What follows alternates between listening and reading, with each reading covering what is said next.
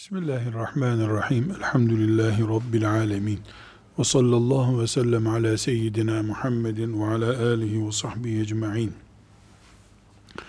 Bir başka notumuz Siret-i Nebi ile ilgili aleyhissalatu vesselam Efendimizin hayatına dair notlarımızdan birinci, bir başkası da Siret-i Nebi bize gösteriyor ki Resulullah sallallahu aleyhi ve sellem'de ve dininde akide esası üzerine bir idrak vardır. Esas olan akidedir. Yani imandır. Vatan, akrabalık ve benzeri bağlar, bunlardaki beraberlikler imanın önüne geçmemiştir. Kıyamete kadar da geçmemesi gerekmektedir. Bunun en güzel örneği, pek çok örneği içinde en güzel örneği Peygamber sallallahu aleyhi ve sellem Efendimizin amcası Ebu Talip ile ilgili örnektir. Ebu Talip Efendimiz sallallahu aleyhi ve sellemin peygamberliğinin 10. yılında vefat etti ve 80 küsür yaşlarındaydı. Yani 80'in üstünde ama kaç yaşında olduğunu bilmiyoruz. Bu ölümü elimizdeki bilgilerin çok ciddi işaretine göre müşrik iken oldu. Mümin olarak vefat etmedi. Halbuki 10 yıl Peygamber Efendimiz sallallahu aleyhi ve sellemin peygamber olduğu günlerde daha öncesinde de yaklaşık olarak 35 sene Resulullah sallallahu aleyhi ve sellem Efendimiz'e fiilen hizmet etti, destek oldu. Evlendirdi, yuva sahibi olmasını sağladı. Yani bir insanın Efendimiz sallallahu aleyhi ve selleme hizmeti ne kadar olabilir sorduğumuzda Resulullah sallallahu aleyhi ve selleme en iyi hizmet eden insan olarak Ebu Bekir radıyallahu anh'te bu rakam 23 artı 2'dir. Yani 25 senedir. Ömer radıyallahu anh'te bu rakam yani halife olduğu günlerde de saydığımızı kabul edelim 32-33 senedir.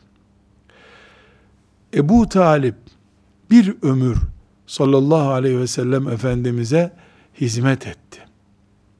Bu hizmette sıradan bir işte gidip e, aile geçimine yardım etmek şeklinde olmadı. Tam aksine güçlü bir destek verdi. Bunu şundan anlıyoruz ki Ebu Talip vefat ettiğinde Efendimiz sallallahu aleyhi ve sellem peygamberliğinin ondan sonraki üç senesinde çok büyük eziyetler çekti. Aynı vefatta, aynı tarihte vefat olarak Hatice anamız da vardı. Bu iki gücü kaybedince beşeri çapta Efendimiz sallallahu aleyhi ve sellem Medine'ye hicret etme durumunda oldu. Burada e, biz Ebu Talib'i İbni Kesir, meşhur müfessir İbni Kesir, rahmetullahi aleyhin dediği gibi, keşke şimdi rahmetle anıyor olsaydık. Eğer Ebu Talip Efendimiz sallallahu aleyhi ve selleme iman ederek ölmüş olsaydı, bugün biz bir Ebu Bekir anar gibi radıyallahu anh Ebu Talip ancaktık. Allah ona rahmet etsin. Allah ondan razı olsun. Peygamberimizi bugünlere getirdi diyecektik. Kaldı ki e, yani Ebu Bekir'den daha zor günlerde Efendimiz sallallahu aleyhi ve sellemin yanında oldu. Yani Ebu Bekir'den de ileri noktaya çıkarabilirdik. Ama öyle olmadı. Bir Allah rahmet etsin Ebu Talib'e diyemiyoruz. Çünkü Allah'ın rahmet etmeyeceği şekilde ahirete gitti.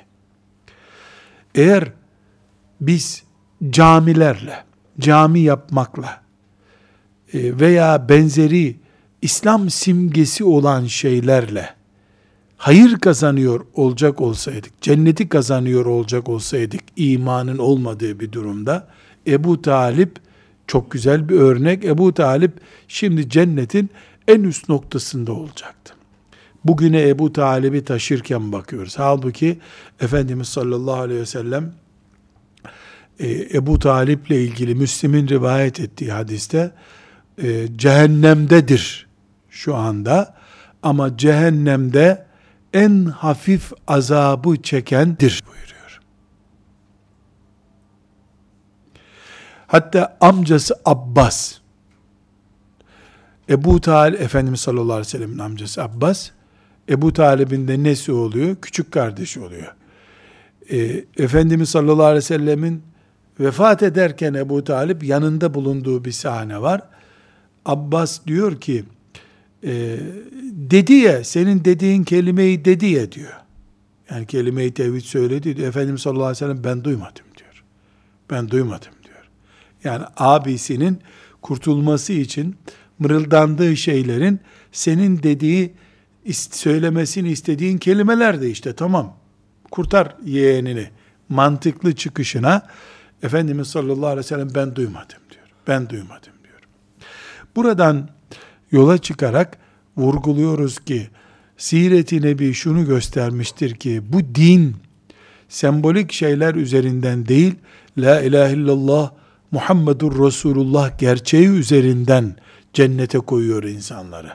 Bunun dışında cennete girme imkanı olsaydı herhalde Ebu Talip herkesten önce cennette olurdu. Ne yazık ki öyle olmadı. Burada Efendimiz sallallahu aleyhi ve sellemin siretiyle ilgili konuşacağımız şeylerden biri, e, siret bilgilerinden çok net bir şekilde Ebu Talip ile ilgili Efendimiz sallallahu aleyhi ve sellemin yoğun gayret gösterdiğini, yani bir amca olarak, bir destekçi olarak onun cennete girmesi için çok yoğun gayret gösterdiğini, bunun olumlu bir sonuç vermediğini görüyoruz sirette.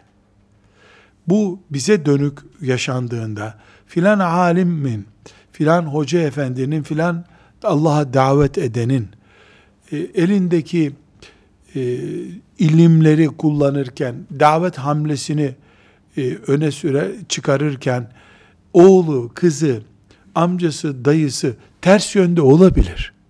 Efendimiz sallallahu aleyhi ve sellem de oldu. Efendimiz sallallahu aleyhi ve sellem Ebu Talip için kınanabilir mi? Yani amcasına niye hayrı olmadı diye kınanabilir mi? Haşa. O zaman bir alim de çocuğundan, kızından, gelininden dolayı kınanmamalıdır. Eğer alim bir eksiltme yaptıysa, mesela çocuklarını ihmal ettiği için e, bu noktada bulunduysa çocukları, onun hesabını Allahu Teala yapar. Kullar hesap yapamazlar. Burada e, bir başka çıkaracağımız not Ebu Talip olayından meselenin sonu çok önemli demek ki. Yaşadığımız hayatı nasıl bitirdiğimiz çok önemli. Ebu Talip çok güzel bir hayat yaşadı. İyi bitirmedi ama. Jübilesi modern deyimle iyi olmadı. Çünkü Efendimiz sallallahu aleyhi ve sellemin hayatının korunmasında, Efendimiz sallallahu aleyhi ve sellemin etrafında sahabilerin toplanmasında Ebu Talib'in katkısı böyle yüzde üç, yüzde beş filan değil. Neredeyse yüzde yüze yakın katkısı var. Beşeri çapta. Allahu Teala'nın planında değil. Ama Allahu Teala ona hidayet nasip etmedi. İbn Kesir'in yine müfessir İbn Kesir'in çok güzel bir tespiti var. Diyor ki biz üzülüyoruz, esef ediyoruz ama zahiri planda yani ne demek zahiri planda? Yani Allahu Teala'nın bildiği bizim bilmediğimiz görünen bir planda da Ebu Talip iman etseydi ve Efendimiz sallallahu aleyhi ve selleme 10 sene iman eden bir mümin olarak destek olsaydı onun o maddi gücü kalmayacaktı müşriklerin arasında. Onu da ezeceklerdi. Müşrik olduğu için müşrikler, Ebu Cehiller kendilerinden biri olduğundan Ebu Cehil'e karşı çıkmadılar. Ebu Talib'e karşı çıkmadılar. Yani Ebu Cehillerin Ebu Talib'i ezmemesi o da bizden biri. Bir yanlış yapıyor işte yeğeni Muhammed'i destekliyor mantığıyla baktılar. Dolayısıyla o bir kurbanlık gibi durdu. O kurbanlık olduğu için de Müşrikler Efendimiz sallallahu aleyhi ve selleme dokunmadılar diyor. Fakat burada e, itiraz edilecek e, bir nokta var. Son dakikasında müşriklerle bir alıp vereceği kalmadığı için, ölümünü zaten anladığı için Ebu Talip e, iman edebilirdi. Her halükarda biz bunun yüzeysel okumalarını yapıyoruz. Sırrını Allah biliyor. Allah öyle murad etti. Böyle oldu bu iş. Amenna ve saddakna. Ama şunu anlıyoruz ki Resulullah sallallahu aleyhi ve sellem Efendimizin onca büyük gücü, Allah katındaki değeri amcasının iman etmesine yetmedi. Bunu da Kur'an ayetinden nasıl anlıyoruz? Sen istedin diye kimse iman etmez. Sen arzu ediyorsun, seviyorsun diye kimse iman etmez. İnneke la tehdi men ahbebte. Velakinne Allah yehdi men yeşâ. Allah dilediğinin imanına kapı açıyor. Bu Efendimiz sallallahu aleyhi ve sellemin amcası Ebu Talip'te müthiş bir örnek. Bu örneğin ileri geri götürülebilir bir bölümü yoktur. İnşallah bundan bizim için e, güzel bir ders olur diye umut ederiz. E, yani sadece hoca meselesi değil, iyi bir müminin de kızı, oğlu başka taraflara çekmiş olabilir. Lut aleyhisselam örneğinden görüyoruz. Ne kadar iyi olursan ol, hanımın senin dışında bir yolun güzergahında olabilir. Allahu Teala kime iman ettiyse o imanın kıymetini bilmeli. Diğer imanı gerekenler için istekte bulunmalı, gayret etmeli, gönlünü açmalı ama Allah'tan başkasının elinde hidayetin anahtarı yok. İşin Türkçesi, özeti bu. 13. başlık Siret-i Nebi ile ilgili Resulullah sallallahu aleyhi ve sellemin hayatı ile ilgili Efendimizin hayatı çok eski günlerden itibaren yazılmaya başlanmıştır. Bu eskilik yani şunu kastediyoruz. İşte bilgisayar çıktıktan sonra Efendimizin hayatına dair araştırmalar yapıldı şeklinde değildir. Mesela 105 yılında vefat eden Hz. Osman'ın oğlu Eban İbni Osman İbni Affan e, radıyallahu anhum cemiyen ilk siret notlarını tutmuştur. Yani ilk Siret-i Nebi yazarı Eban İbni Osman'dır. Hz. Osman'ın oğlu bu. 105 yılında vefat etmiş. Demek ki Efendimiz sallallahu aleyhi ve sellem'den 100 sene so geçmeden e, kaleme alınmış onunla ilgili hatırat. Ve İbni Münebbih 110 yılında vefat etmiş. O da Efendimiz sallallahu aleyhi ve selleme ait notlar tutmuştur. Ne yazık ki bu notlar bizim elimize ulaşmamış. İbni İshak 151 yılında vefat etmiş. Ee, İbni İshak'a ait notlar bize ulaşmıştır. Onun notları da 213 yılında İbni Hişam isimli zata ulaşmış. İbni Hişam'ın 213 yılında, hicretin 213 yılında vefat eden İbni Hişam'ın Siret-i Nebi isimli kitabı bugünkü bütün siret kitaplarının anasıdır. Evet, öncekilerden de işte paragraflar, sayfalar bize ulaşmış ama İbni Hişam Efendimiz sallallahu aleyhi ve sellemin doğumundan vefatına kadar olan dönemi kitaplaştırmıştır. Bugün kütüphanelerimizde bu kitap mevcuttur. İbni Hişam'ın bu kitabı e, yani bugünkü rakamlarla tam 1220 senedir e, elimizdeki bir kitaptır. Elhamdülillah. Yani Resulullah sallallahu aleyhi ve sellem Efendimiz'den vefatından 200 sene geçmeden elimizdeki kitaplar gibi kitaplara dökülmüştür hayatı. Allah'a hamd ediyoruz. Hiçbir peygamberin hayatı e, bu şekilde kaleme alınmamıştır. Bu Müslümanlar için büyük bir lütuftur. Sanal dünyada bir peygamberi konuşmuyoruz biz. Yani Allahu Teala'nın kitabında anlattığı gibi e, onu görenlerin kaleme döktüğü hatıralardan oluşmuş bir e, kitapta e, var şu anda elimizde elhamdülillah. Ama e, 10. asrın yazarlarından Ebu Abdullah Muhammed İbni Yusuf İbni Ali Es-Salihi isimli bir zatın Subulul Huda ve Raşad fi sireti hayril ibad isimli kitabı Efendimiz sallallahu aleyhi ve sellemin hayatını, hayatının ayrıntılarını tıraşlarına varıncaya kadar kaç kere tıraş oldu, nerede tıraş oldu, tıraş olduğunda tüyleri ne oldu, ona nasıl yerdi, nasıl içerdiye varıncaya kadar 12 ciltlik büyük bir kitaptır. İslam ümmetinin Peygamber sallallahu aleyhi ve sellemle yazdığı, ilgili yazmış olduğu en değerli, en geniş kitap bu aç yani genişliği bakımından değerli kitap Sübülül Huda ve Raşad fi Sireti Hayril İbad isimli kitaptır. Türkçesi hakkında bir bilgim yok ama Arapçası tahkikli bir şekilde piyasada var. Efendimiz sallallahu aleyhi ve selleme ait doyasıya bilgi ve başkası olmayacak şekilde bir bilgi bu zatın elinden çıkmış. Allah rahmet eylesin. Zannediyorum İmam Suyuti'nin de talebesidir. Herhalde bu geniş bakış zaviyesi de onun e, hocasından aldığı feyizden de kaynaklanmış olabilir. 14. kalemimiz Siret-i Nebi ile ilgili notlarda Efendimiz sallallahu aleyhi ve sellemin hayatı ile ilgili veya sireti ile ilgili veya onu bize taşıyacak bilgi ile ilgili çalışmalar iki büyük başlıkta ele alınır. Birisi sünnet kitaplarıdır. İşte Buhariler, Müslimler, İbn Maceler, Musannefler, Müsnetler diye bildiğimiz kitaplar. Bunlar da Efendimiz sallallahu aleyhi ve sellemin hayatıyla ilgili şeyleri anlatıyorlar. Bukhari'de mesela vahiy Peygamber aleyhisselam efendimize nasıl geldi, nasıl başladı diye hadisler var. Misal olarak yani yemekte şöyle oturuyordu, şöyle kalkıyordu var ama e, bu kitaplar, siret kitapları, sünnet isim, sünnet diye bildiğimiz e, konuyu anlatan kitaplar, Efendimiz sallallahu aleyhi ve sellemin hayatını anlatmak maksadıyla yazılmamıştır.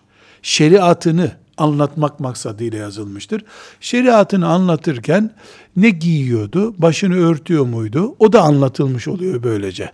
Ama siret kitapları ise, Efendimiz sallallahu aleyhi ve sellemin hayatıyla sınırlandırılmış kitaplardır. Dolayısıyla Efendimiz sallallahu aleyhi ve sellemi anlatan kitapları iki başlığa ayırmamız lazım. Sünnet olarak anlatan kitaplar, Bukhari'den itibaren bütün kitaplar budur zaten.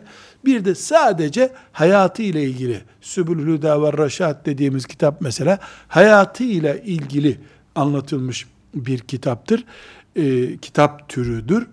E, bu kitaplara müracaat ettiğimizde de Efendimiz sallallahu aleyhi ve sellemin e, hayatına mahsus anlatılmış kitapları birkaç kalemde ele alacağız. Birincisi megazi kitapları vardır. Megazi Efendimiz sallallahu aleyhi ve sellemin gazveleri ile ilgili veya biraz daha Türkçeleştirelim Efendimiz sallallahu aleyhi ve sellemin fiili cihadı ile ilgili kitaplara megazi kitapları denir. En meşhur megazi kitaplarında yine İbn İshak var. İbn İshak'ın megazisi var. Ama elimizdeki megazi kitaplarının başında El Vakidi denen zatın Megazi isimli kitabı var. Demek ki Megazi Efendimiz sallallahu aleyhi ve sellemin savaş meydanlarındaki peygamberliğini anlatan Siret kitabı ismidir.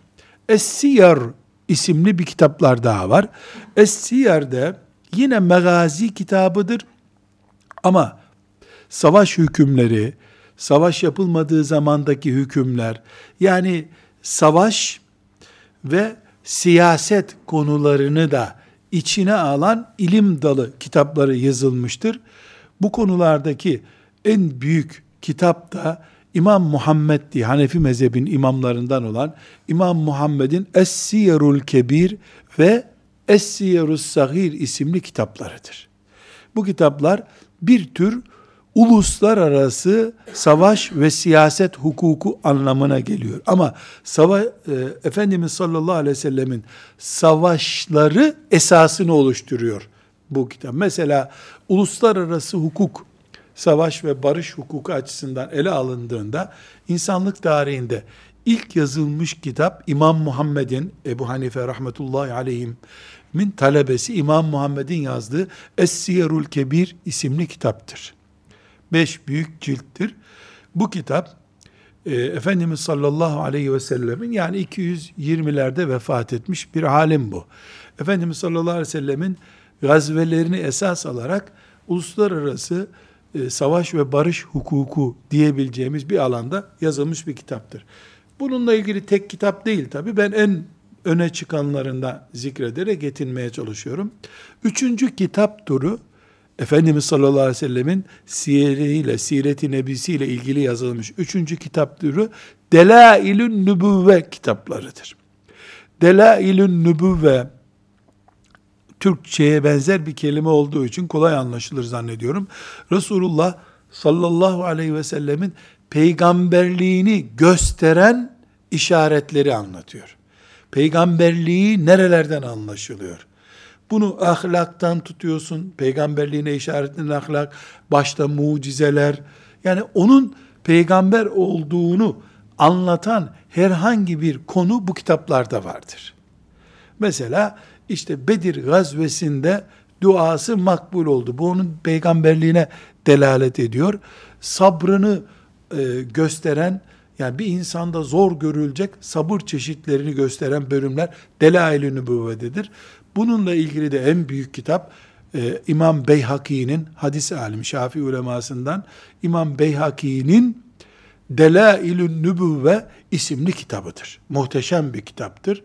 Yani bir tür Bukhari'nin hadis kitabı gibidir ama yazılış e, gayesi Resulullah sallallahu aleyhi ve sellemin e, peygamberliğini belgeleyen şeylerle ilgilidir. Biz normalde bir hadisi dinleriz, belki de duygulanırız ondan ne kadar güzel anlatmış diye. İmam Beyhaki onu, bu onun filan açıdan peygamberliğini gösteriyordu diyor. Peygamber olduğunu belgeliyordu diyor. Böyle bir çalışma türü var. Onlarca kitap yazılmış bu konuda. Bunların en büyüğü, en kolay elde edilir de İmam Beyhaki'nin Delail-i Nübüvvesidir. Dördüncü kitap türü, yazım türü Resulullah sallallahu aleyhi ve sellem ile ilgili hasais kitaplarıdır. Peygamber Efendimiz'e mahsus özellikleri anlatan kitaplar yazılmış. Peygamber Efendimiz'in e, insanlardan farklı olan yönleri, Peygamber Efendimiz sallallahu aleyhi ve sellemin diğer e, peygamberlerden farklı olan yönleri, Peygamber Efendimiz sallallahu aleyhi ve sellemin teşrif edildiği yani mahsus özellikle ahirette farklı tutulduğu noktalar. En büyük şefaati yapması mesela. Hiçbir peygambere mahsus olmayan, hiç kimseye mahsus olmayan bir şey. Peygamber Efendimizin özellikle kıyamet günü e, şefaatiyle ilgili konu böyle bir örnek ve ümmetinin diğer ümmetlerden farklı olduğu alanlar. Bu ümmetin de farklı olduğu özellikler var. Mesela Peygamber Efendimiz sallallahu aleyhi ve sellemin e, son peygamber olması ne hiçbir peygamberde var ne bir insanda var. Bir, yok. Bu tür özelliklerini anlatan ilimler var. Bunlara da hasais ilmi deniyor. Bunun da en meşhur kitabı İmam Suyuti'nin El Hasaisul Kübra isimli kitabıdır. Orada onlarca özelliğinden bahsedilir Efendimiz sallallahu aleyhi ve sellemin. Yani e, mesela Efendimiz sallallahu aleyhi ve sellemin e, ruhunun ve isminin levh-i mahfuzda Adem aleyhisselamdan önce bulunduğuna dair bir rivayet var. Bu ona ait bir özellik gibi. Beşinci çalışma türü Resulullah sallallahu aleyhi ve sellemin şahsını, hayatını bize taşımak için yazılmış kitapların beşi Es-Siretün Nebi. Es-Siretün Nebi dediğimiz Es-Siran Nebeviye Arapça kalıp olarak. Bu da bizim siyer kitapları dediğimiz kitaplardır. İşte İbn Hişam'ın kitabı, e, Efendimiz sallallahu aleyhi ve sellemin doğumundan ölümüne kadar anlattığı kitap, e, hayatını anlatmak için yazılmış kitaba Siret-i Nebi kitapları diyoruz. İbn Hişam'ın ki bu alanda yazılmış en güzel kitaptır. Ama benim şahıs olarak Siret-i İbn Hişam'ı defalarca elhamdülillah okumam nasip oldu. Ama Ebu Hasan el-Nedvi'nin yani bizim çağımızın alimlerin Ebu Hasan en-Nedvi'nin Sireti Nebisi gibi sanki Efendimiz sallallahu aleyhi ve sellem'i görüyormuşun gibi yazılmış bir kitap görmedim. Bana, ben okumadım manasında. Mesela Er-Rahikul Mahtum isimli kitap uluslararası ödüller almış siret kitabıdır. Gerçekten de değerli topludur. Ama Ebul Hasan en-Nedvi'nin kitabı bir başka. Sanki kendisi Bedir'de imiş gibi nakleder konuları hep. Onun için Siret-i Nebi'yi doyasıya okuyalım dersek, yani bir duygusal okumak için Ebul Hasan el-Nedvi'nin Siretün Nebisi okunacak. Fıkıh hükümleri öğrenelim diyen için de Ramazan el-Buti'nin Fikus Siresi okunacak. Er-Rahikul Mahtum isimli kitap ise yani çok ciddi bilgilerimiz olsun, sahih bilgiler olsun. Yani böyle ben duygusal bakmak istemiyorum bu bölüme diyenler için de o kitap çok güzel. Altıncı çalışma alanı Efendimiz e, sallallahu aleyhi ve sellemin siretiyle ilgili hukukun nebi Peygamber sallallahu aleyhi ve sellemin hakları açısından bakılan kitaplardır. Bu ne demek? Yani bu peygamberin hayatını okudun ama seninle bağlantısının bir de hukuku var. Yani sen Resulullah sallallahu aleyhi ve sellemi okuyorsun, öğreniyorsun, bir hak oluşuyor. İman ediyorsun, bir hak oluşuyor. Bununla ilgili de en meşhur kitap Kadı İyad'ın Eşşifa bir tarifi hukukul Mustafa sallallahu aleyhi ve sellem isimli kitabıdır. E, bu kitabın da benzerleri var ama böyle bir muadili yok. Çok ciddi büyük bir kitap. Yedinci çalışma türü Efendimiz sallallahu aleyhi ve sellemle ilgili şemail ve ahlak kitaplarıdır. Şemail Efendimiz sallallahu aleyhi ve sellemin biyolojisini, biyolojik yapısını tarif eden, ahlakını tarif eden ilim dalıdır. Tırnaklarını nasıl keserdi, nasıl otururdu, nasıl kalkardı, nasıl yatardı, söze nasıl başlardı ve böylece ahlakını da tarif etmiş oluyor. Bununla ilgili de çok kitap var, şemail kitapları ama İmam Tirmizi'nin yazdığı Eşşemail'in muadili yok. En üstte o duruyor. Tirmizi diye bildiğimiz hadis kitabından başka bir kitap. Yine onun kitabı Şemail diye başka bir kitapta da Efendimiz sallallahu aleyhi ve sellemin yüz şeklini, parmaklarını, ellerini hangi bilgiye ulaşmışsa bize tarif etmiştir. Allah ondan razı olsun. Ee, Efendimiz sallallahu aleyhi ve sellemin bu 14. başlığımızda Efendimiz sallallahu aleyhi ve sellemin hayatı ve kişiliği ve şahsı ile ilgili bize aktarılan bilgilerin derlendiği kitap türlerini konuşmuş olduk. Şimdi en önemli bizim için gerekli bölüme geldik. Siret-i Nebi'yi Resulullah sallallahu aleyhi ve sellemin hayatını öğrensek ne olur? Öğrenmesek ne olur? Başlığındayız. Biz 15. başlığa geldik. Bu başlıkla çalışmamızı bitireceğiz. Bu notları bitireceğiz. Yani bu kadar not çıkar diye değil. Bunlar şimdilik yeterli diye bitireceğiz. Ama eğer biz bu 15. başlıktaki nottaki bölüme dikkat etmezsek Tirmizi isimli bir alimin Şemail isimli kitabı yazmış olması, onun da basılmış olması, onun da bizim tarafımızdan evde okunmuş olmasının hiçbir manası yok. Ebu Talip'ten dolayı. Bizim şemail dediğimiz bilgi, Efendimiz sallallahu aleyhi ve sellemin gözleri şöyleydi, saçlarını şöyle tarardı. Ebu Talip, o mübarek saçları tuttu, yeğenim benim diye taradı zaten. Bırak bilmeyi. Bizim gibi kitaptan okumadı onu. O saçları kim bilir kaç defa öpmüş, okşamıştır. Tırnaklarıyla tarak gibi taramıştır o saçları. Efendimiz sallallahu aleyhi ve sellemin boyu uzundu kısaydı. Kaç kere Ebu Talep onu kucağına aldı oturttu zaten. Ama İbni Kesir ne diyor? Hala rahmetullahi aleyh diyemiyoruz biz ona diyor. İlan ediyorum. Resulullah sallallahu aleyhi ve sellemin hayatını bilmek cennete sokmaz hiç kimseyi. onun ahlakını bilmiş olmamız cennete sokan bir şey değildir. Taklit etmemiz, onun gibi olmamızdır cennete sokacak olan. O sebeple Efendimiz sallallahu aleyhi ve sellemi incelediğimiz zaman karşımıza çıkan ondaki farklılıklar elbette bir günde olmayabilir. Karar verip marketten peygamber ahlakı diye bir dosya alıp onu kendimize kopyalayamayız. Bir gün, iki gün, bir sene, beş sene, ömrümüz boyu mücadele ederek Resulullah sallallahu aleyhi ve sellem Efendimizin siretini hayatımıza yansıtabiliriz. O zaman siret okumuş oluruz, özümsemiş oluruz, siretin sahibiyle de cennette biiznillah buluşuruz. Şimdi 15. paragrafımızda madde madde özetliyoruz. Bir, ben madde madde yani bir iki saymayayım da sanki bunlarmış hepsi diye çıkmasın. isimlerini zikredeyim. Resulullah sallallahu aleyhi ve sellem yumuşak huylu bir insandı. Kur'an'dan bunu öğreniyoruz. Ali İmran suresinin 159. ayeti ne diyor? Sen sert bir adam olsaydın, kaba bir adam olsaydın yanında kimseyi bulamazdın.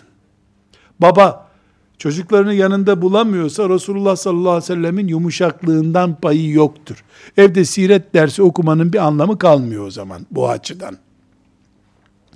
Resulullah sallallahu aleyhi ve sellem mütevazi bir insandı. Siretten bunu öğreniyoruz. Hatta o kadar mütevaziydi ki ne diyor? Ey ümmetim ashabına hitap ediyor. Hristiyanların İsa'yı abarttığı gibi sakın beni abartmayın siz. Ben Allah'ın kulu ve peygamberiyim sadece. Başka bir özelliğim yok diyor. Bunu bizzat kendisi söylüyor. Bukhari'de hadis bu. Dolayısıyla evinde eşliğiyle ve çocuklarıyla giyiminde, yere oturup yemek yiyişinde, sokakta insanlarla ilişkisinde, çalışırken, iş yaparken, her nerede varsa Resulullah sallallahu aleyhi ve sellem mütevazi bir insandı. Ayşe anamıza nasıl biriydi sorulduğunda ne cevap veriyor? Sizin evdeki bir adam gibiydi diyor. Ezan okununca evde durmaz giderdi diyor. Ezan hariç yani Allah'a ibadet edeceği saat hariç Sizden biriydi diyor. Onlar ne umuyorlar ama eve geldiğinde üstündeki cübbesi alınıyor, sarığını bir başka hizmetçi alıyor, çorabını bir başkası çıkarıyor. Lütfedip abdese giderken terliğini birisi gidip böyle biri değildi. Diyor Ayşe anamız. Başka bir başlığına geçiyoruz. Merhametliydi. Kuru bir tevazusu, basit bir yumuşaklığı yoktu. Merhametliydi. Gözünden yaşlar akıyordu.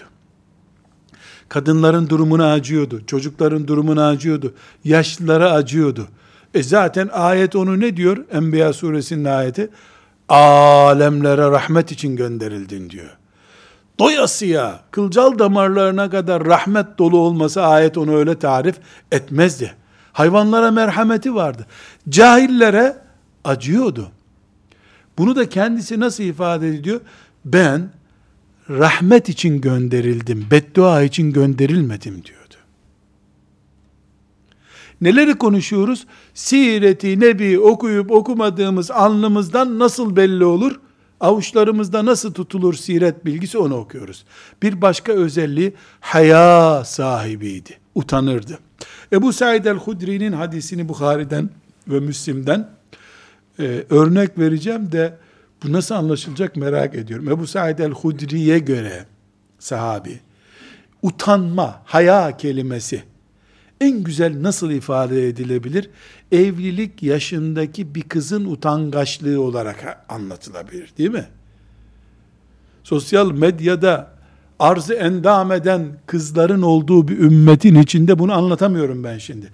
Ebu Said bir sahabi radıyallahu anh ona utanmayı neyle simgeleyeceksin dense, genç bir kız diyor. Efendimiz de tarif ederken diyor ki, Resulullah sallallahu aleyhi ve sellem, genç bir kızdan daha hayalıydı diyor. Şimdi tabi bunu tarif ederken, e, insanlar gülecekler. Genç kızda haya olur mu ya? Yani ne demek haya? Babasının önünde ayak ayak üstüne atabiliyor genç kız Müslüman olduğu halde. Sesini yükseltebiliyor. O arkadaşıyla konuşurken telefonda öbür evden onu dinleyebiliyorsun. Dolayısıyla bu örnek zor anlaşılacak ama Ebu Said el-Hudri'den Allah razı olsun. Demek ki o dönemde cahiliyenin yaşandığı bir asırda genç kızlar haya örneğiymişler. Resulullah sallallahu aleyhi ve sellemi de o kadar hayalıydı ki genç kızlardan daha hayalıydı diyor. Yani olmaz o kadar demeye getiriyor. Siret-i Nebi okursak ne çıkacak onu konuşuyoruz. Bir başka sabırlıydı. Ne kadar sabırlıydı? Hiç bunu konuşmayalım. Konuştukça sabrını anla, anlamayı zorlaştırır. Resulullah sallallahu aleyhi ve sellem sabrın göklere kadar taşmış bulutlar gibi bir örneğiydi. Ve cömertti.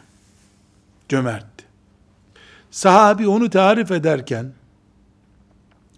bildiğimiz insanların en cömertiydi diyor. Peygamber olmadan da öyleydi. Peygamber olunca zaten cömertti. Evine girip verilecek ne var? Burada fakire verilecek ne var dendiğinde iki tane hurma çorba değil, pilav değil. iki tane hurmadan başka bir şeyimiz yok. Bir tanesini verin, verelim diyecek çapta cömertti artandan değil, yemesi gerekip, doyması gerekip, e, zarureten beklettiğinden veriyordu. Bu cömertliği de, bu notu bir kenara yazalım, sadece çıkarıp cebindeki paradan verdiği, hurmadan verdiği cömertlik değildi. Bunu sesimi kalınlaştırıyorum ki yazının altı çiziliyor öyle olsun diye. Tebessümde de cömertti latifede cömertti. Arkadaşlık yaparken arkadaşlığında cömertti. Muhabbet cömertiydi. Ya kainatın efendisi. Kainatın efendisi. Cebrail aleyhisselam ya yanında şimdi ya demin gitti biraz sonra gelecek. Sabah namazı kılmış üstelik. Dönüyorsun cemaate. İşte El Fatiha dedik bizim namazlarımızın bittiği şekilde örneklendirelim. Ya da Allahümme ente selamu mükesselam tebarek teyazel celal ve ikram dendi. Namaz bitti. Ya bu gece rüya gören yok. Rüyasını anlatsın birisi dinleyelim diyor. Niye? Hazır bir aradayız bir muhabbet edelim diyor. Cömertti derken eğer bu cömertliği sadece para cömertliği, hurma cömertliği, yemek cömertliği olarak anlarsak haşa eksik anlamış oluruz. Mütebessimliğinde cömertti. Şakada cömertti. Hanımlarıyla şaka yaptı, çocuklarla oynadı. Ya bir peygamber biz yakıştıramayız tabi böyle şeyleri.